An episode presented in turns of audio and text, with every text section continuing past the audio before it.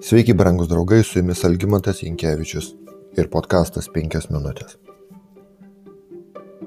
Pranašo Notano perspėjimas, kad dėl Davido nuodėmės viešpat sukels jam piktą iš jo paties namų, išsipildė per vieną iš karaliaus sūnų - Apšalomą. Jis sukilo prieš savo tėvą, pasiskelbė naujojimi karaliumi ir pradėjo atvirą kovą su Davidu. Norėdamas galutinai įtvirtinti savo galę, Apšalomas buvo pasirengęs nužudyti savo tėvą. Antra Samuelio knyga, 17 skyrius. Tačiau jau per pirmąjį karinį susirėmimą su maža Davido armija jis buvo nugalėtas ir nužudytas. Antra Samuelio 18 skyrius.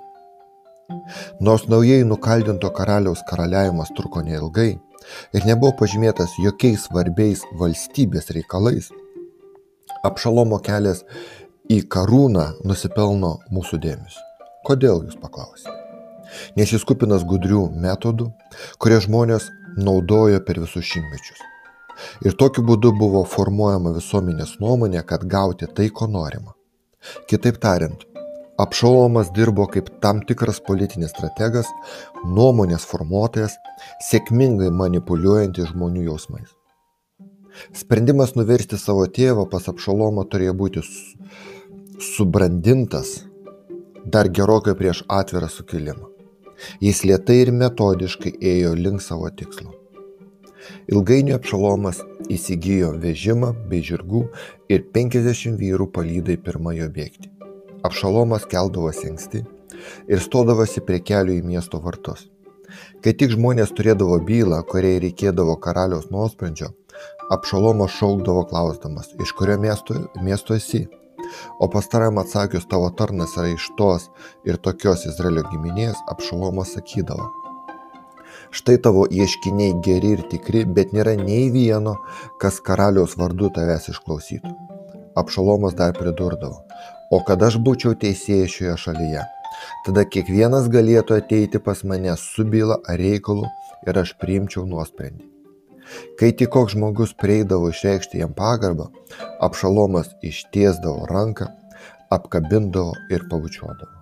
Taip Apšalomas darydavo kiekvienam izraelitui, atėjusiam pas karalių į teismą. Tokiu būdu Apšalomas pavergė visų Izraelio žmonių širdis. Viena vertus jis pakėlė savo autoritetą žemindamas kitų, ypač Dovido, kaip teisingo teisėjo autoritetą. Jis įtikino žmonės, kad Jeruzalėje jų reikalas niekam neįdomus ir tuo pačiu pamalonino juos vis sakydamas, kad jie teisūs. Natūralu, kad jie grįžo namo norėdami ko anksčiau prisijungti prie tokio kabutėse teisingo teisėjo. Kita vertus, jis parodė žmonėms apsimestiną mandagumą ir pagarbą.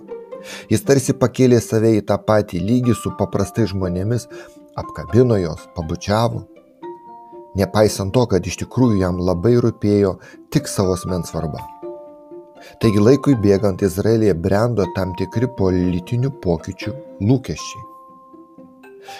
Kai bus atliktas parengiamasis darbas, kabutėse kompanijos pažadai išdalinti ir žmonės patikėjo priešrinkiminiais tais pažadais, apšalomas imasi ryštingų veiksmų. Jis eina į gimtąjį Hebroną, kad ten būtų paskelbtas naujojimų karaliui.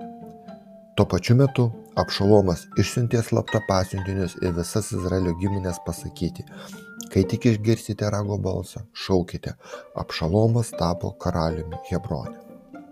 2 Samuelio 15 skyrius. Dvasia, vedusi, skatinusi Apšalomą, yra dvasio to, kuris vadinamas melo tėvu. Kaltindamas tėvą neteisingų teismo procesų, jis metodiškai naikino žmonių pasitikėjimą savo karaliumi. Ta pati daro velnės, pradedant gundimu Edenė.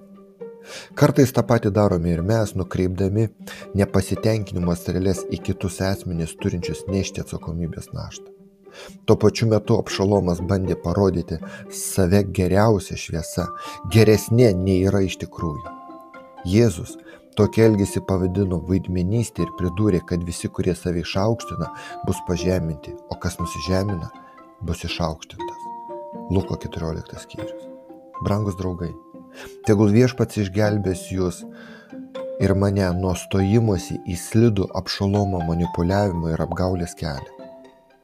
Tam, kad pasiektume savanaudiškų tikslų, apie kuriuos dauguma net neįtarė. Geriau tegul Dievas mums padeda atsiduoti visus siekius į jo rankas, nes jis tiksliai žino, kaip su mūsų siekiais, norais reikia pasielgti. Su jumis buvo penkios minutės ir Algymantas Jankievičius.